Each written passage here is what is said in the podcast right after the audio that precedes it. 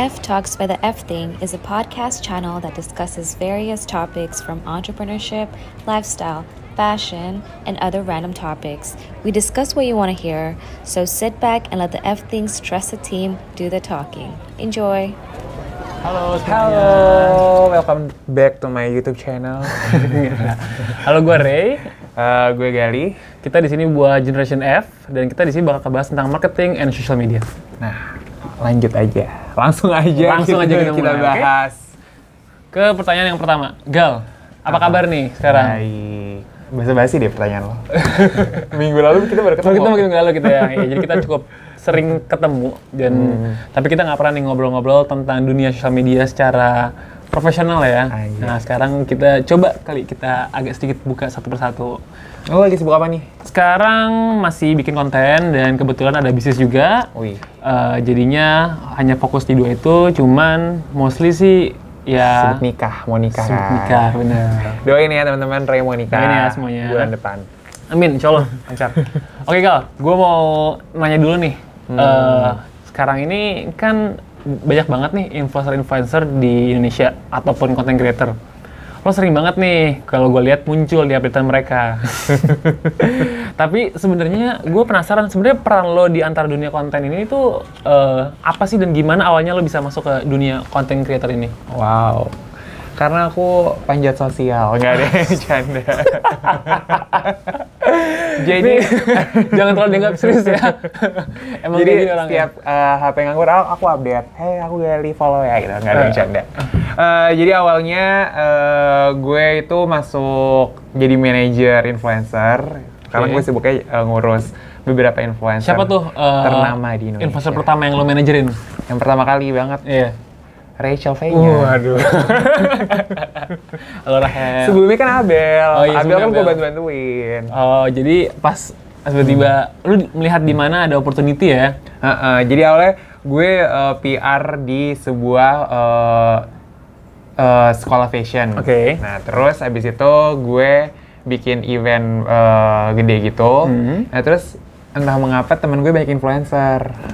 Jadi pergaulan lu luas lebih tepatnya kali ya maksudnya. Pergaulan gue Iya. ya lumayan lah ya.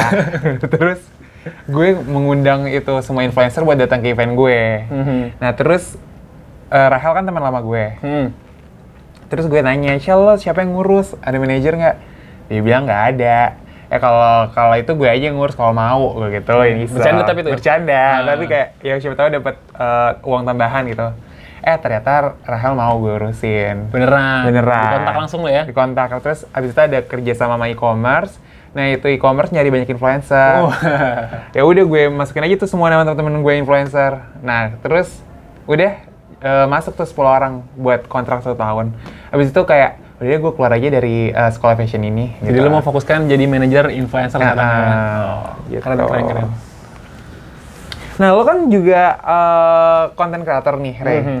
Eh, menurut lo eh, content creator kan bisa menginfluence orang juga. Iya, setuju. Lo lebih suka dipanggil content creator apa influencer? Dan apa sih bedanya? eh sebenarnya gini sih, kalau gue pribadi lebih ngerasa gue lebih suka disebut sebagai content creator. Kenapa? Karena gue melihat content creator dan influencer tuh mempunyai suatu hal yang berbeda. Yang di mana kalau influencer mereka benar-benar bisa menginfluence apa yang eh, mereka udah invent di industri content creator ini. Sedangkan kalau gue melihat content creator itu eh, bisa menginfluence juga, tapi most of the time mereka yang membuat suatu konten yang di mana eh, apa yang mereka suka, yang mungkin dampaknya akan menjadi seorang influencer.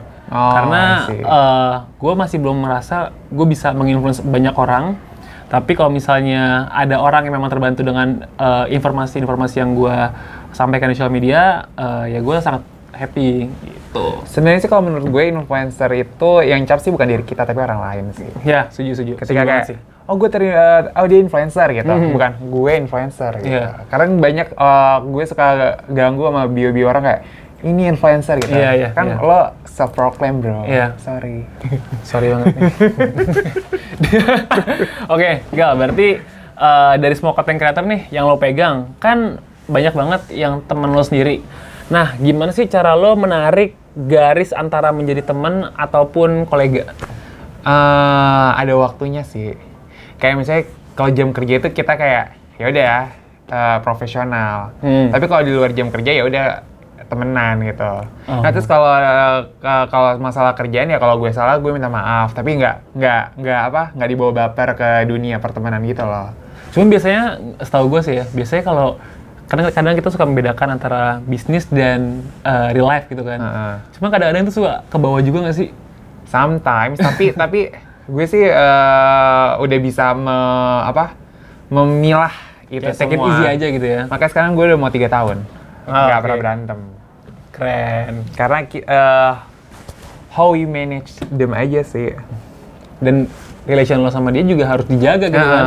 Heeh. Oke, setuju kayak kita eh, makin lama gue makin tahu kayak oh moodnya lagi nggak enak nih ya udah jangan ditegur dulu jangan diinin dulu kayak eh, harus bisa ngebaca sih kayak kapan kita nagih konten kapan kita nyuruh dia bikin konten gitu gitu bahkan sampai ngomongin fee juga kan itu Ya. harus di harus diperjelas di awal karena supaya jangan sampai salah paham. Tapi gue sering loh dapet kerjaan dari Gali. Keren nih orang. malu terus eh sebelum lo jadi konten creator nih apa sih eh, pekerjaan utama lo gitu Wah, kalau ngomong pekerjaan utama gue sebenarnya beneran kayak gue tuh ups and downs banget zaman dulu. Bener-bener pernah jadi pernah bikin bisnis uh, fashion. Alhamdulillah bisnis fashionnya jalan dan sampai hari ini masih jalan. Tapi bedanya uh, gue udah nggak di industri itu karena gue memfokuskan di dunia uh, entertain lah. Nah, sebelum ke masuk dunia influencer ini atau dunia content creator, gue sempat jadi fotografer, videografer.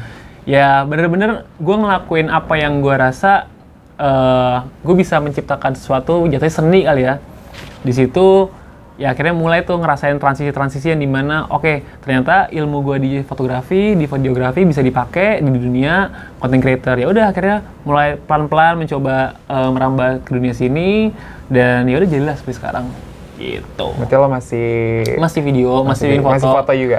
Cuman eh, mungkin beda gini kali ya. Kebetulan eh, sekarang ada bisnis juga lain dan di mana bisnisnya itu eh, dunianya beda nih sama dunia content creator karena lebih di dunia dunia lain dunia eh, konsultan lah kebetulan.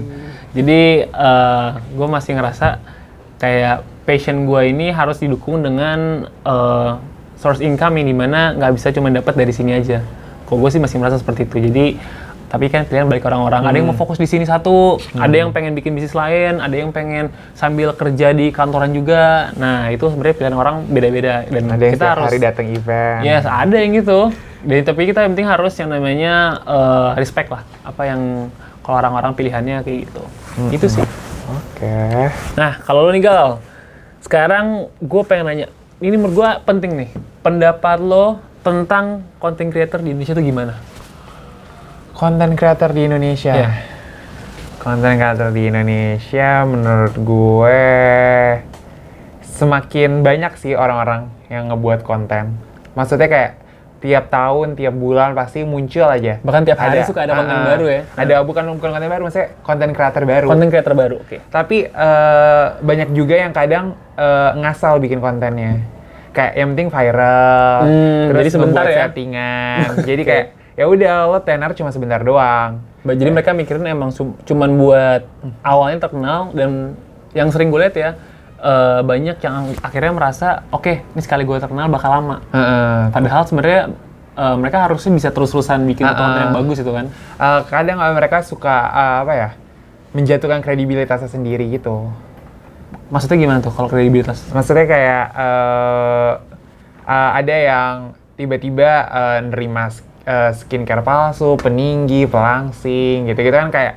eh, nggak banget gitu loh. Ya jatuhnya kalau misalnya memang eh, palsu itu kan berarti sebenarnya secara nggak langsung mem- eh, membohongi masyarakat. Membohongi masyarakat, terus membahayakan kesehatan Ya masyarakat setuju banget sih. gitu. Itu, ya, itu gue sendiri setuju banget. Untungnya konten creator yang gue pegang ini kayak eh, orangnya jujur-jujur gitu. Maksudnya kayak kalau mau nge-review barang kayak harus tahu ini asli apa enggak. Hmm. Terus ada BPOM apa belum. Ya, ya. Nggak ngasal gitu. Di research dulu gitu. Ya penting banget sih. Soalnya memang gue juga pengen nambah sedikit. Menurut gue sekarang content creator di Indonesia memang banyak yang eh, bikin suatu hal, tapi mereka nggak mikir message-nya. Jadi ada beberapa yang kadang gue lihat eh, ini cuman mikirin profitnya aja nih. Cuma nggak sebenarnya kalau content creator kan berarti mereka ujung-ujungnya akan menginfluence banyak orang, apalagi banyak yang namanya anak kecil yang baru mulai main sosial media dan gampang banget nih terpengaruh dengan yang namanya dunia sosial media. Nah kalau misalnya yang dibawain sama konten creator negatif, suka eh, bahaya ya. kadang banyak orang yang kayak bikin konten kayak oh buat sekedar viral aja Iya, gitu setuju. kayak clickbait gitu kayak pas kita tonton hah nggak ada maksudnya Iya, gitu iya, setuju, ngapain setuju. lo bikin video kayak gini nggak nggak segitunya nyari duit Iya, iya. bahkan kadang artis-artis eh, yang sekarang udah menjadi konten creator juga banyak yang eh, nerima endorse kayak eh, apa ya aneh aja gitu kayak lo, lo butuh duit banget coy Ah, iya. terima kayak gini gitu Ya, ya. gitu